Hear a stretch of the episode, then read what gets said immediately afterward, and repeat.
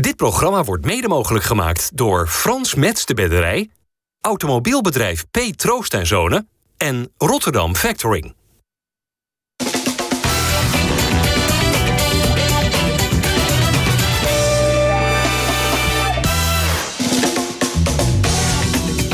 Goedendag, welkom bij deze vrijdageditie van FC Rijnmond. We zijn er vandaag met Adrie Poldervaart, met eh, Dennis van Eersel en met Mario Bilate. Mario, jij zat hier de eerste uitzending van het nieuwe seizoen, begin augustus. Dat beviel allemaal, dus nou mag je vaker komen. Maar zit je wel gelijk op die stoel, dat geeft toch een bepaalde druk. Ik weet niet of je daar tegen bestand bent.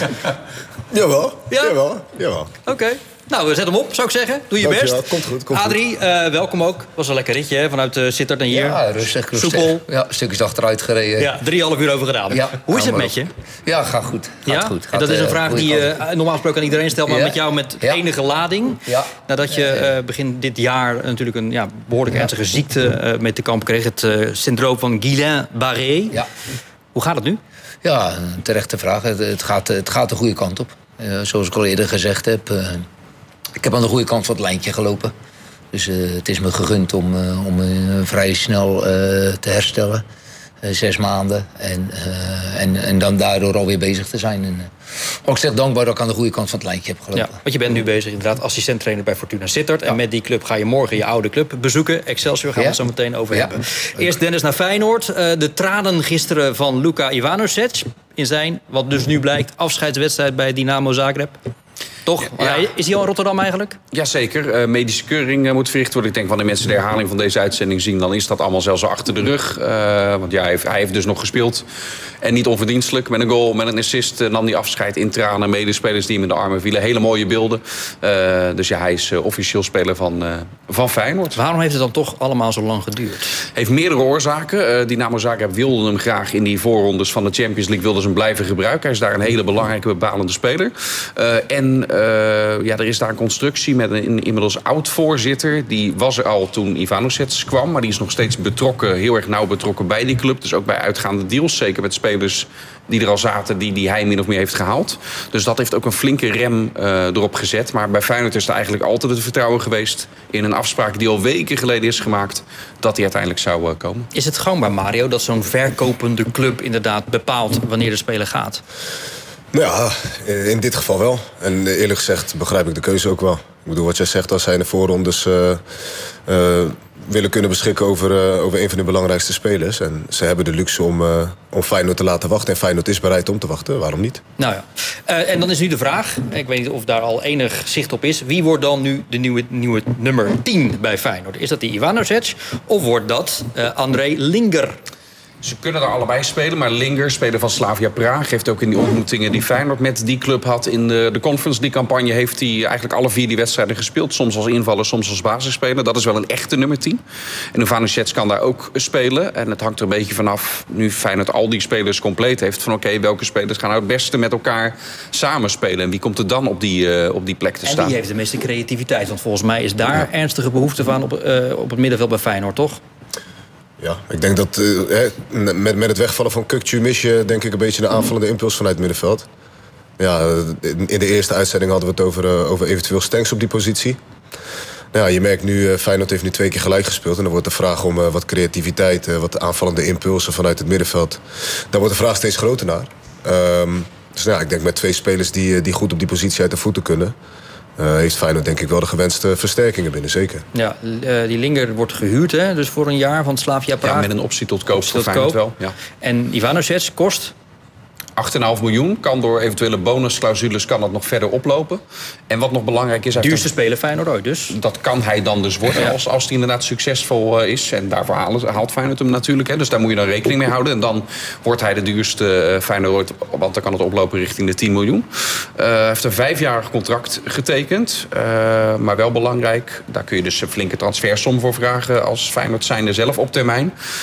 Maar dan gaat er ook een gedeelte van wanneer Feyenoord hem verkoopt... gaat ook weer naar Dynamo Moskou dan. Ja, in Engeland ziet veel lange contracten, maar nu in Nederland is ook vijf jaar contract. Ja, Veel, hè? Ja, dat, is, eh, dat, is, eh, dat is heel lang. Toevallig gisteren nog een oudspeler van Groningen. Die ging naar Metz vanuit Djurgården. Joel Azorro. Tekende ook vier jaar bij, eh, bij Metz.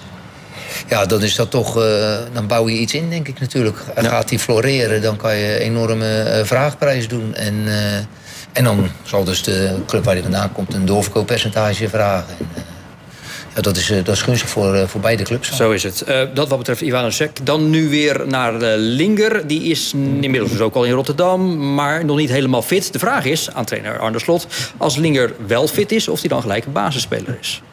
Maar ik, denk, ik moet eerlijk zeggen dat ik 20 spelers in mijn selectie heb, of misschien 23. Nou, wel misschien wel, ja, als je, als je jonge jongens meetelt, kom je op 3, 24 spelers uit. En ik vind dat die allemaal competitief zijn om in de basis te kunnen starten. Dus dat geldt uh, voor al die jongens, maar dat geldt ook voor hem. Ja, alhoewel hij zijn eerste training nog mee moet maken. Maar de inschatting is zeker dat hij ook bij ons in de basis kan spelen. Ja. Is hiermee Feyenoord wat jou betreft eigenlijk klaar op de transfermarkt... met deze twee aanwinsten? Of hebben jullie nog meer noten op de zang? Nou, dat, dat is denk ik in de laatste week van de winter altijd moeilijk te zeggen. Omdat je nooit exact weet uh, wat misschien uitgaat of nog wat gebeurt. En uh, nou, volgens mij heb ik vorige week ook iets over de keeperspositie gezegd. Dus, uh, maar ik vond al dat we een hele goede selectie hadden. En dat is met het aantrekken van deze twee spelers alleen nog maar versterkt. Komt er een vervanger voor Bijlo? Als je slot zo hoort, uh, wel. Dat zal dan wel een speler zijn, denk ik niet, die je haalt als beoogde eerste doelman. Omdat het ook relatief uh, wat meevalt met, uh, met Bijlo. De eerste prognoses waren dat het echt een flink aantal weken was. En daarna kun je die pols ook niet meteen volledig belasten. Voor je het weet ben je twee maanden verder. Het lijkt er nu, ze zeggen het heel voorzichtig maar Feyenoord... lijkt erop dat dat meevalt.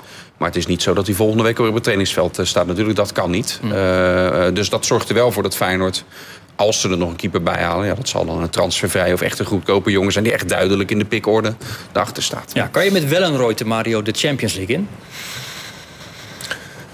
Poeh, nou, ik moet zeggen, vorig jaar met het uh, wegvallen van Bijlo vond ik hem, uh, vond ik hem zeer stabiel keeper. Vorig jaar heeft Bijlo negen wedstrijden gemist, inderdaad. Ja. Nou, toen vond ik hem een hele goede indruk maken. Um, dus nou ja, hij heeft bewezen dat hij het kan. De vraag is alleen, ja, hoe gaat hij presteren op het moment dat er uh, iets meer druk op de ketel staat. Maar ik, ik, ik, ik persoonlijk vind het een, vind het een goede keeper. En hij heeft mij en ik, en ik denk met mij heel veel Rotterdammers aangenaam verrast. Ja, denk je, Adrie, dat ze bij Feyenoord nog wat miljoenen moeten gaan uitgeven voor een keeper? Nou ja, dan, dan willen ze er een halen die beter is dan Wellenreuter, die er gelijk staat? Of is het er eentje die achter Wellenreuter komt? Of eentje die beter is? Ik, ik denk dat als ik de verhalen zo hoor, dus achter Wellenreuter. Want anders ga je inderdaad miljoenen moeten uitgeven. Ja. Uh, en dat, dat lijkt, me, lijkt me niet nodig. Dus echt een backup dan eventueel voor Wellenreuter als langer duurt bij Bijlo. Ja, want anders heb je alleen maar Lamproe en de achterjeugdkeeper Manu Berger. En dat is wel heel dun om de Champions League mee in te gaan. Stel, er gebeurt iets met Wellenreuter. Je moet toch zeker een ruime maand moet je nog wel overbruggen. Ja. ja dat is een te groot risico. Ja, kan dit. Dat is... Uh, hij heeft op het eind, uh, de periode dat hij gedaan met natuurlijk nog die redding bij Ajax, iedereen denk ik nog uh, wel... Zijn supporters die zeggen het kampioenschap van Feyenoord vorig ja. jaar is toen ja. beslist. Ja, die ik, redding van Wellenreuter in de arena. En ik heb gewoon gekeken naar afgelopen zondag, joh. Het staat volgens mij 2-1 voor Sparta. Dat maakt denk ik wel een cruciale redding op de, op de dingen. En dat zijn de momenten waarop je gewikt en gewogen wordt. En, uh, Als je hem nu weegt, dan is het ja, goed genoeg voor Feyenoord? Ja, dan zou, nou, dat, is wel, dat is wel heel uh, rem, maar uh, dat is wel inderdaad wel goed. Ja. En, en, daarop wordt iemand beoordeeld. Als hij daar in de Champions League de ballen pakt. Kijk, Gorter pakt gisteren een paar ballen en dan is het gelijk weer allemaal fantastisch.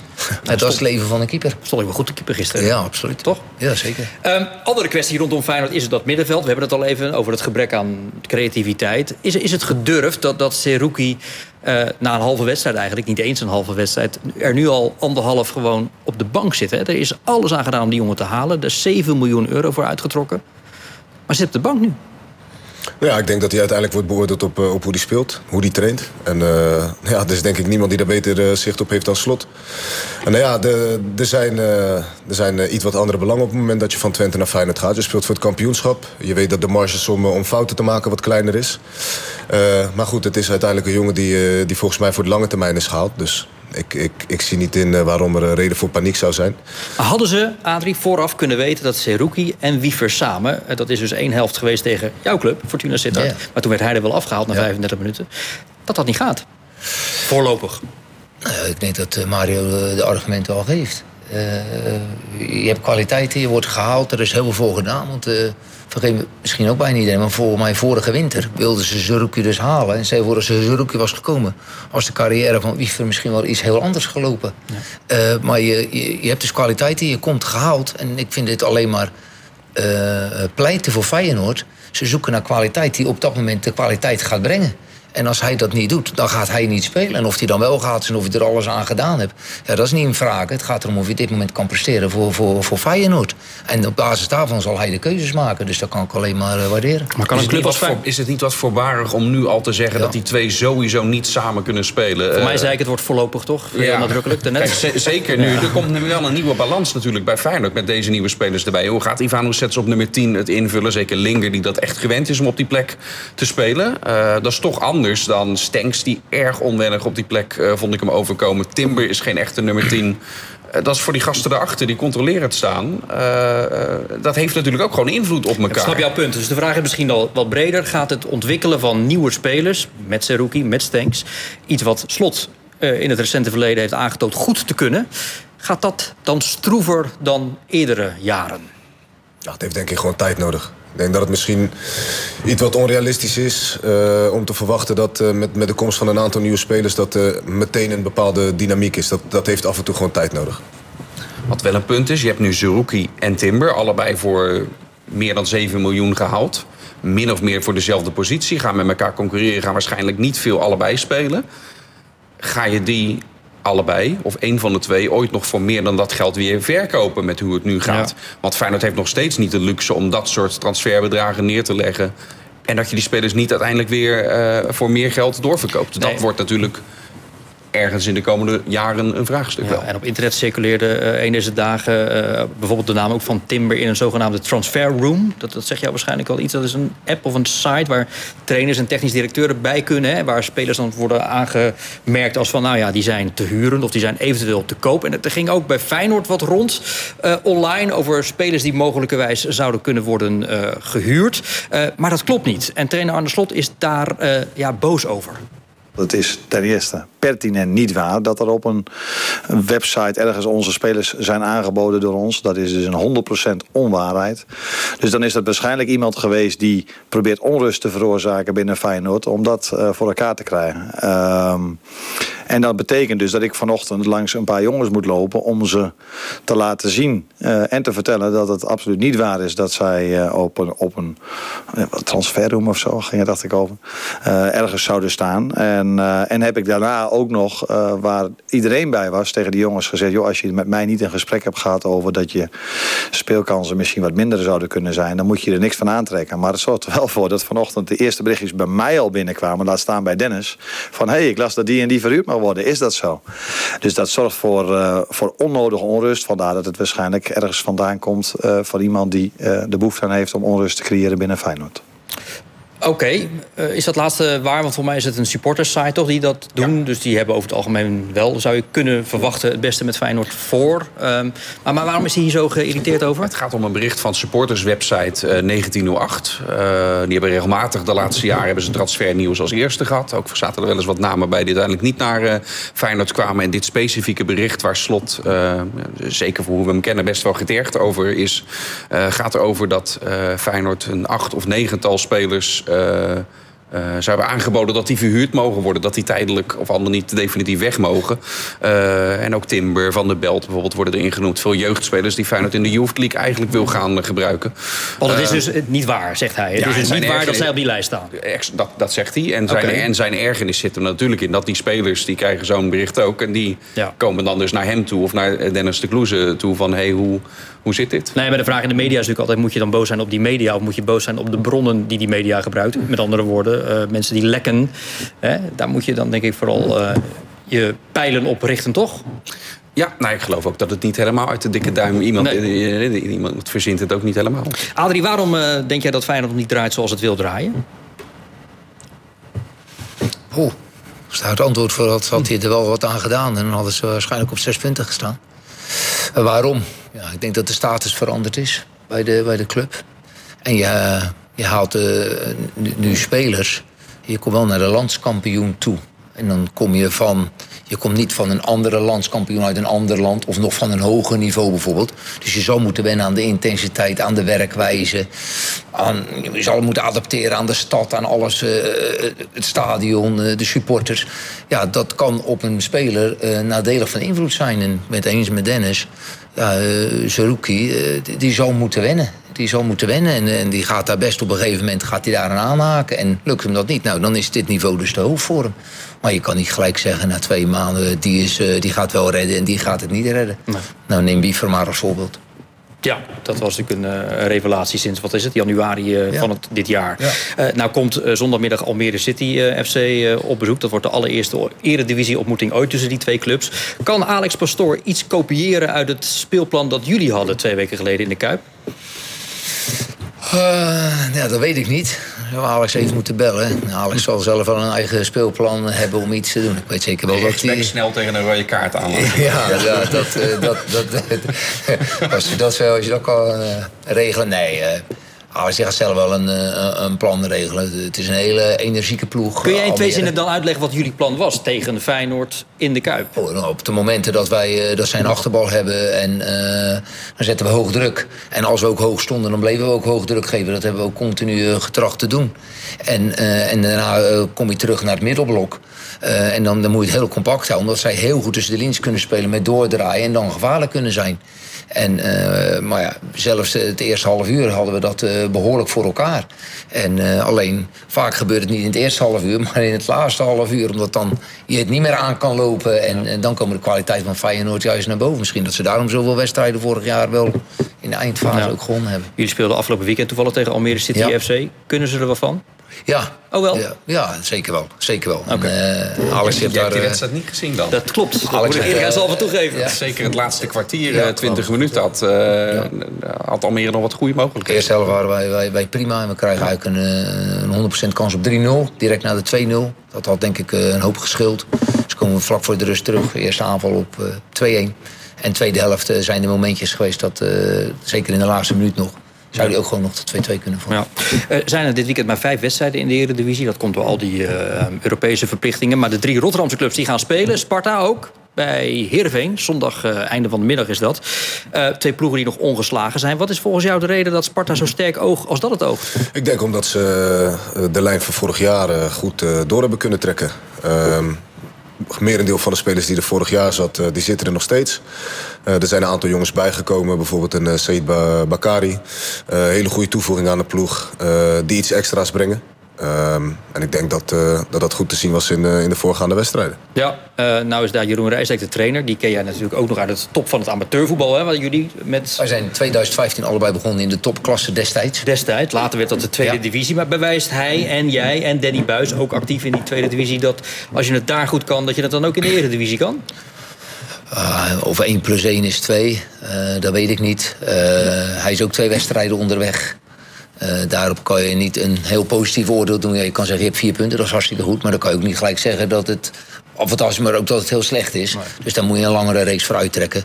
Kijk, en Danny, tot een paar jaar geleden Danny werd, al werd toch mee. altijd gedacht van... nou ja, dat weet ik niet hoor, als het amateurvoetbal... weet ik niet, nou, stap ja. naar de Eredivisie wel zo makkelijk ja, kan. Wij, wij, wij zijn in die zin... En zeker ik. Jeroen heeft dan nog uh, jarenlang hoofdklas gespeeld bij, bij, bij de Vogels. Kijk, Danny is natuurlijk een, een ex-profspeler die, die al is begonnen bij Groningen en daarvoor via Kozakkenboys. Kijk, ik kom natuurlijk uit de, uit de allerlaagste regionen van het amateurvoetbal en ben omhoog gegaan. OAVV is bij Knissen. Ja, ja en, uh, en wij zijn de. Dit is, uh, ja, het is een tussen aanhalingstekens. Jeroen en ik hebben allebei geen betaalvoetbal gespeeld, net zoals George. Ja, daarin is wel iets veranderd. Maar. Uh, het vak training geven is niet zo, uh, zo moeilijk. Dat kunnen wij alle vier. Dat is echt geen niet moeilijk. Uh, het omgaan met alles en eromheen. En, en het, en het ja, uh, ja, moet je het zeggen, het managen van alles. Dat maakt het vak trainer mm. veel, veel moeilijker dan iedereen denkt. Ja. Ik, ik denk wel dat wanneer je trainer bent in de tweede divisie.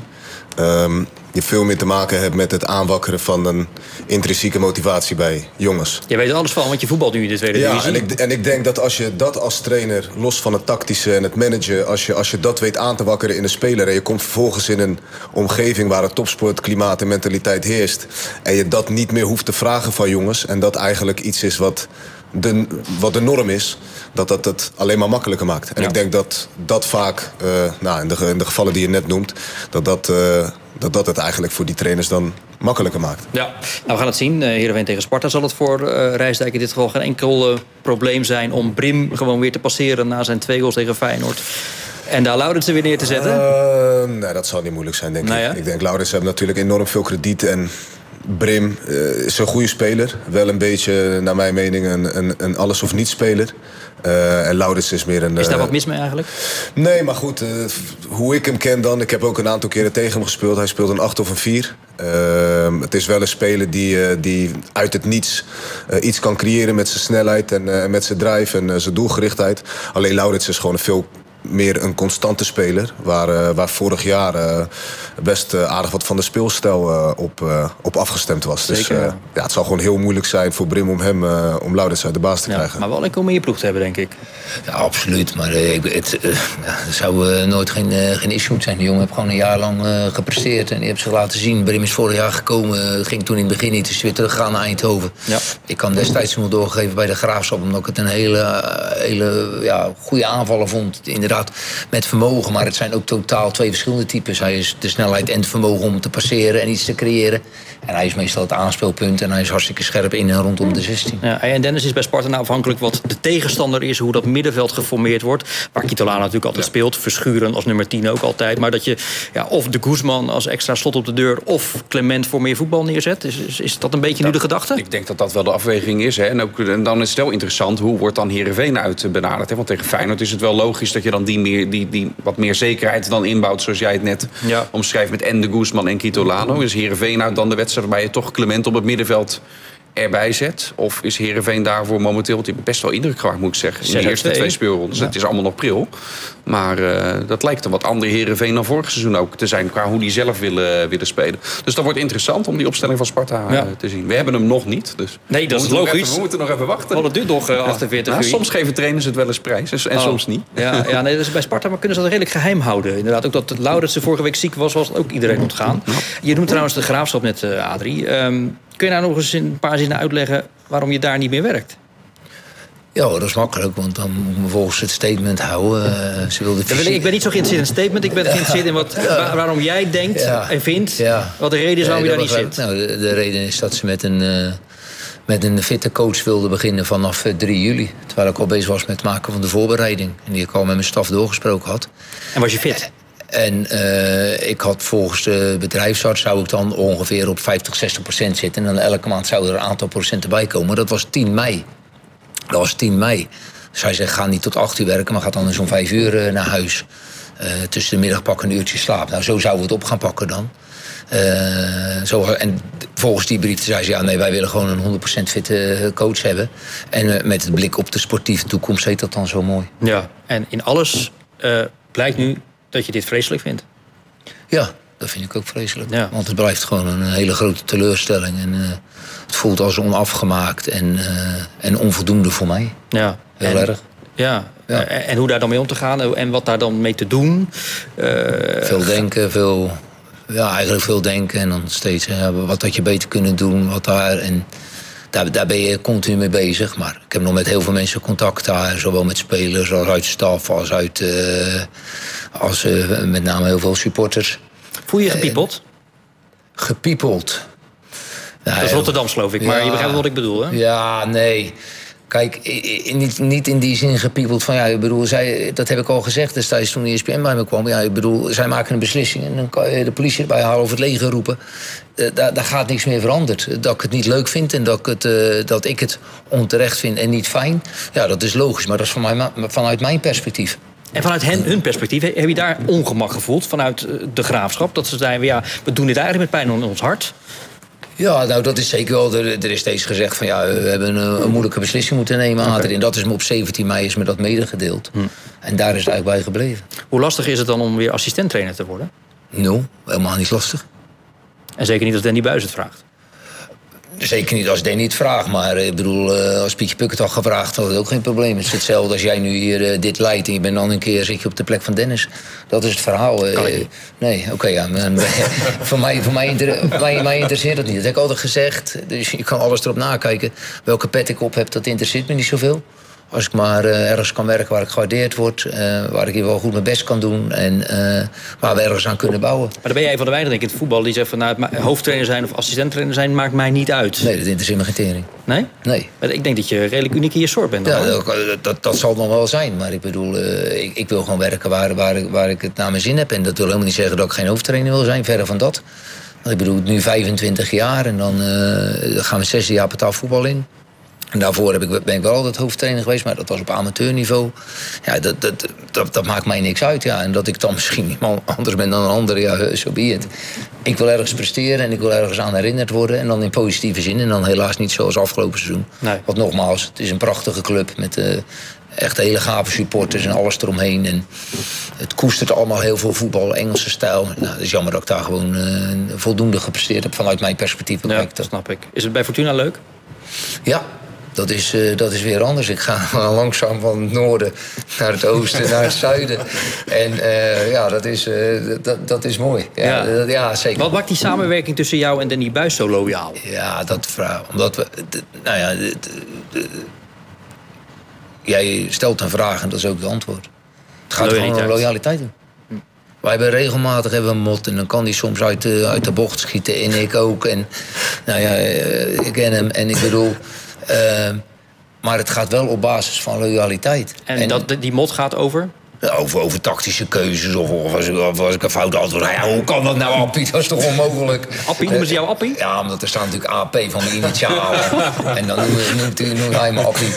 en, uh, ja, maar, maar, daar gaat het om. Maar je, je kan ook gewoon tegen hem zeggen... hou nou je bek eens een keer dicht, joh. dan, dan, dan, dan, daar heb hij helemaal niks mee. Want hij is alleen maar bezig met met, met, met creëren eromheen. Alleen maar resultaat is heel resultaatgericht.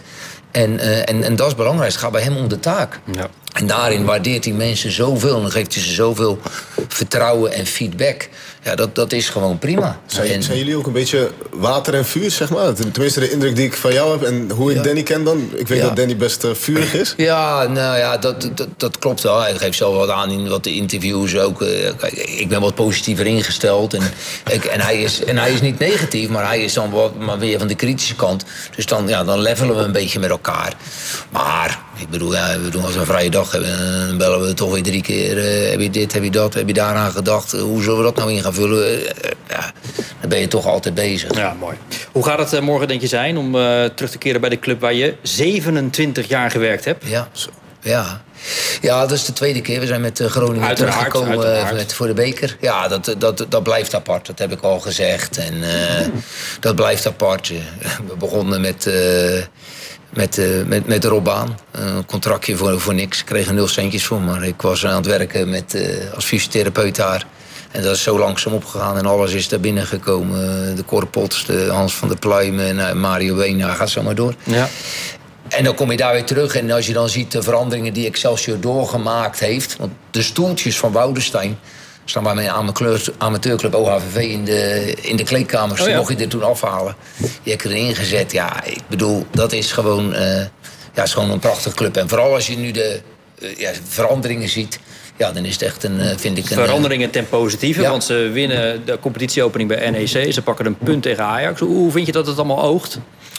Voetballend? Uh, ik krijg een beetje de indruk dat ze veel hebben geleerd van vorig jaar. Vorig jaar was natuurlijk een vrij jonge, onervaren ploeg. En wat je vaak merkt is dat uh, wanneer ploegen die uh, promoveren naar de Eredivisie... het een jaar voorhouden, dat er een soort volwassenheid in die ploeg kruipt.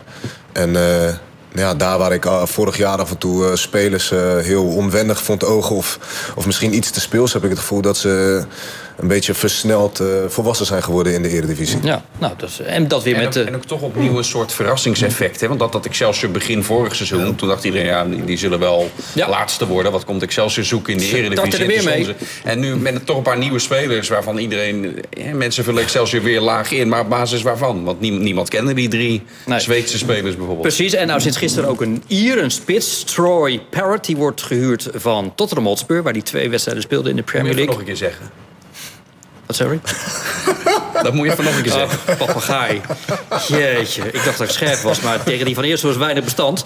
Uh, en een huurling van Club Brugge. Uh, Cesar Sandra, dat is een aanvallende middenvelder. Dat zijn uh, versterkingen van de voorbije dagen. De vraag is bij Excelsior dan nu of het dan nu klaar is met het aantrekken van nieuwe spelers.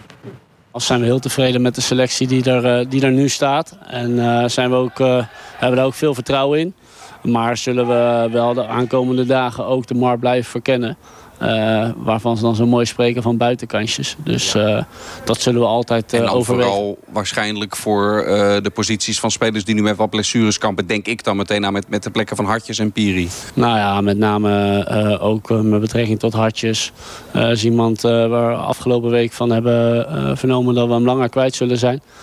Ehm, dus ja, op het moment dat daar zich nog een mogelijkheid voordoet... zullen we dat zeker overwegen. Is Milambo dan misschien iemand die op jouw wensenlijstje staat? Ja, die naam is wel een paar keer gevallen. Maar uh, ja, dat is ook dat is denk ik moeilijk haalbaar, denk ik. Zo schat ik in. Uh, er komt natuurlijk heel veel namen voorbij. Zeker in deze eindfase. Uh, jongens die buiten de boot vallen. Dus we hebben wel meer namen voorbij. Gelukkig hebben we denk ik nog maar één nodig. Dus dat betreft hoeven we niet heel opportun de laatste week in te gaan. Dus dat is wel een prettig gevoel. Want ik hou daar zelf niet zo van. Want hoe dichter bij de deadline, hoe optimistisch het wordt. Dus nou, dat, dat staat een beetje weg voor mij.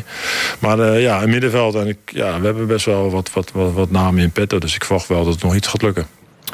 Ja, het is natuurlijk wel pijnlijk dat die, Agri, of, sorry, dat die hartjes uh, natuurlijk geblesseerd is geraakt. Want dat uh, was wel direct een smaakmaker. Uh, die ligt er langere tijd uit. Agrifiotis wilde ik inderdaad zeggen. Want ze halen dan met Parrot een spits. Terwijl Agrifiotis twee, uit twee loopt nu. Wat zal dat met hem dan weer doen? Ja, dat hangt er denk ik een beetje vanaf hoe die in elkaar steekt uh, wat betreft karakter. Wat had het jou gedaan als spits? Uh, nou, ik had wel, denk ik, gevraagd van... oké okay, jongens, met, met welke intentie is hij gehaald? Want uh, hij komt natuurlijk niet over van de minste club. ik weet hoe dat gaat in de kleedkamer. Nou, hoe groter de club, hoe meer iedereen zegt... ja, ja die, die is gehaald om te spelen. Nou, en dan heb je een Agrafiotis. Dat is een spits waarvan ze zeggen... ja, die, dat is niet echt een doelpuntenmaker. Maar goed, hoe eerlijk is dat? die jongen heeft bij Dordrecht gevoetbald... waar ze onderaan het rechterrijtje in de KKD spelen. En vorig jaar bij Excelsior, volgens mij mij uh, 17 wedstrijden gespeeld, twee goals. Dus uh, zoveel minuten heeft hij ook niet gemaakt uh, bij Excelsior. En dan nu loopt hij 2 op 2. Hij doet het goed. lekker aan het sleuren voorin. Precies. En dan komt er een spits van... van, van de harde wetten van het voetbal. morgen is het Excelsior tegen Fortuna Sittard. En Adrie, onze gast, gaat dan in ieder geval één... waarschijnlijk nog 200, maar in ieder geval één oude bekende tegenkomen.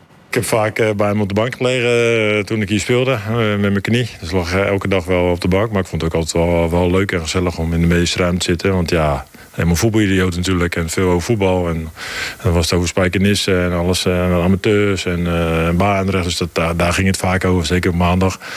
Ik kwam ook nog eens een praktijk bij hem. Dus ik was een combi van en, over, over onze hobby's te hebben. En ja, ook fysiek had ik hem nodig. Dus ja, dat was wel een mooie tijd. Ja, nog steeds ook contact? Of een goede band in ieder geval daaruit ontstaan? Ja, af en toe hebben we zeker nog contact. Eén keer in zoveel tijd bellen we eens. Niet, we bellen elkaar niet plat. Maar één keer in zoveel tijd bellen we eens. En dan, ja, dan ben je zomaar even een uurtje een uurtje verder met Adrie. Hè? Want uh, ja, die, eh, die houdt niet meer op. Ja, vak idioten onder elkaar. Ja, nee, zeker. Uh, ik ben wel wat rustiger als Adrie. Dus uh, ik, ik ben iets korter van stof dan, dan hem. Dus, maar inderdaad wel allebei bezeten van het vak, ja. Ben je in de kleedkamer ook zo lang van stof? Of valt het al wel mee? Nee hoor. Nee, nee. nee zeker als assistent is dat wat anders. Dus, oh, ja.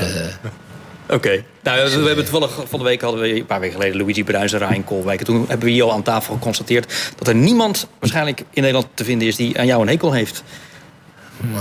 Nou, dat is fijn. Het, is, het klinkt bijna zo. Je gaat zeggen, ik kan er toch een paar opnoemen. Maar... Ja, ik kan, ik kan er zeker wel een paar opnoemen. Maar uh, het, het, klinkt zal meevallen. Het klinkt bijna als een godzonde. Maar ik bedoel, uh, ik ben gewoon wie ik ben. En uh, ik, ik, ik, als ik iemand mag, dan zeg ik het hem. Als ik iemand niet mag, dan zeg ik het hem ook. En maar ik denk dat het niet eh, verkeerd kan zijn om, uh, om mensen te helpen en uh, te steunen hier en daar waar het kan. Want we zijn er heel goed in als iemand al ligt om een trap na te geven. Daar weiger ik aan mee te doen. Nou, hou dat vol. Je bent een beetje een paradijsvogel in het voetbal, maar dat bevalt mij in ieder geval wel. Als ik nou de naam zeg Clyde Best, wat zeg jij dan? Ja, die oude spits. Oude spits. Die heeft bij Feyenoord gespeeld. Een jaartje, West Ham United. Ja. Daar is hij een grote meneer. Ja. Maar hij heeft één jaar bij Feyenoord gezeten in het seizoen 77, 78. Was wel een moeizaam jaar toen voor Feyenoord. Maar Clyde Best scoorde er drie. En hij was vandaag even in de Kuip. Oh, it was unbelievable. Um, experience. It wasn't the best of seasons for us. It was a hard time at that time. I came over to replace a boy called Nico Jansen, who was from Amsterdam, and uh, he had a bad injury. So I was able to come over and try to, um, um, you know, fill in with the team. And, uh, you know, it wasn't the best of season, but it took me a season to get used to the cold weather, you know. Ja. ja toen, maar toen was het alweer voorbij, want het bleef, bleef bij één ja, seizoen. Waarom was hij hier? Waarom is hij Er hier? wordt een documentaire over hem eh, gemaakt, over zijn leven. Hij is als 17-jarig eh, ventje naar Engeland gegaan. Heeft maar met heel veel racisme te maken. Ook hele trieste dingen meegemaakt. Zelfs een dreigbrief vlak voor een wedstrijd die er eh, kwam. Uiteindelijk zijn carrière in Europa geëindigd bij Feyenoord. Maar daarna ook nog in Amerika succesvol geweest. Dus over zijn leven wordt een docu gemaakt. En ook Feyenoord maakt daar eh, natuurlijk eh, deel van uit. Oké, goed. Gaan we binnenkort bekijken. Excelsior tegen Fortuna. Wat gaat dat opleveren voor wedstrijd? Ik een heel agressieve Excelsior die gaat starten. Want die willen graag. eh, die hebben natuurlijk het voordeel van het kunstgras. Wij hebben ook op kunstgras getraind, in ieder geval de afgelopen week. Maar zij hebben dat voordeel. Ik denk dat zij heel, eh, heel energiek gaan beginnen. En wij zullen even moeten, denk ik, wennen aan, aan, aan de omgeving, dus met name aan het veld. En dan hoop ik dat we ja, met ons voetbal eh, hopelijk hun achteruit kunnen dwingen. Dat hopen wij niet hoor. Ja, ja maar, maar nu hoop ik dat toch wel, joh. En, eh, maar goed, het, eh, het wordt even voor ons voor de eerste keer voor op kunstgras. Nou ja, zoals je het nu verkoopt, heeft- is het in ieder geval zinvol om te gaan kijken. Dat kan Zeker. eh, morgenavond en zondagmiddag. Feyenoord om half drie in de Kuip tegen Almere City FC. En om kwart voor vijf gaat Sparta op bezoek bij Heerenveen. En van die twee wedstrijden doen wij natuurlijk verslag op de radio. Dit was het alweer. Het was me een waar genoegen. Eh, het is voorbij gevlogen. Adrie Poldervaart, wel bedankt. Ik kom gauw weer eens terug. En dan op een Is dag... toch nog een parrot grap? Is, Nee. Het is voorbij gevlogen. Ben zo moe van die man af en toe. Maar hij is, hij is zo goed in zijn werk. Parrot, de speler van Excelsior. Ja, nee, ja, voor de mensen die nu kijken. En Mario, hoe beviel het op die stoel? Dat is toch even een andere dynamiek? Ja. Ja? Ja. Nou, over een paar weken alweer. Wie weet. Oké, nou ja. Je krijgt er niks voor, maar goed. eh, behalve, behalve een goed humeur. Tot zover uh, FC Rijnmond. We zijn er maandag weer. Goed weekend.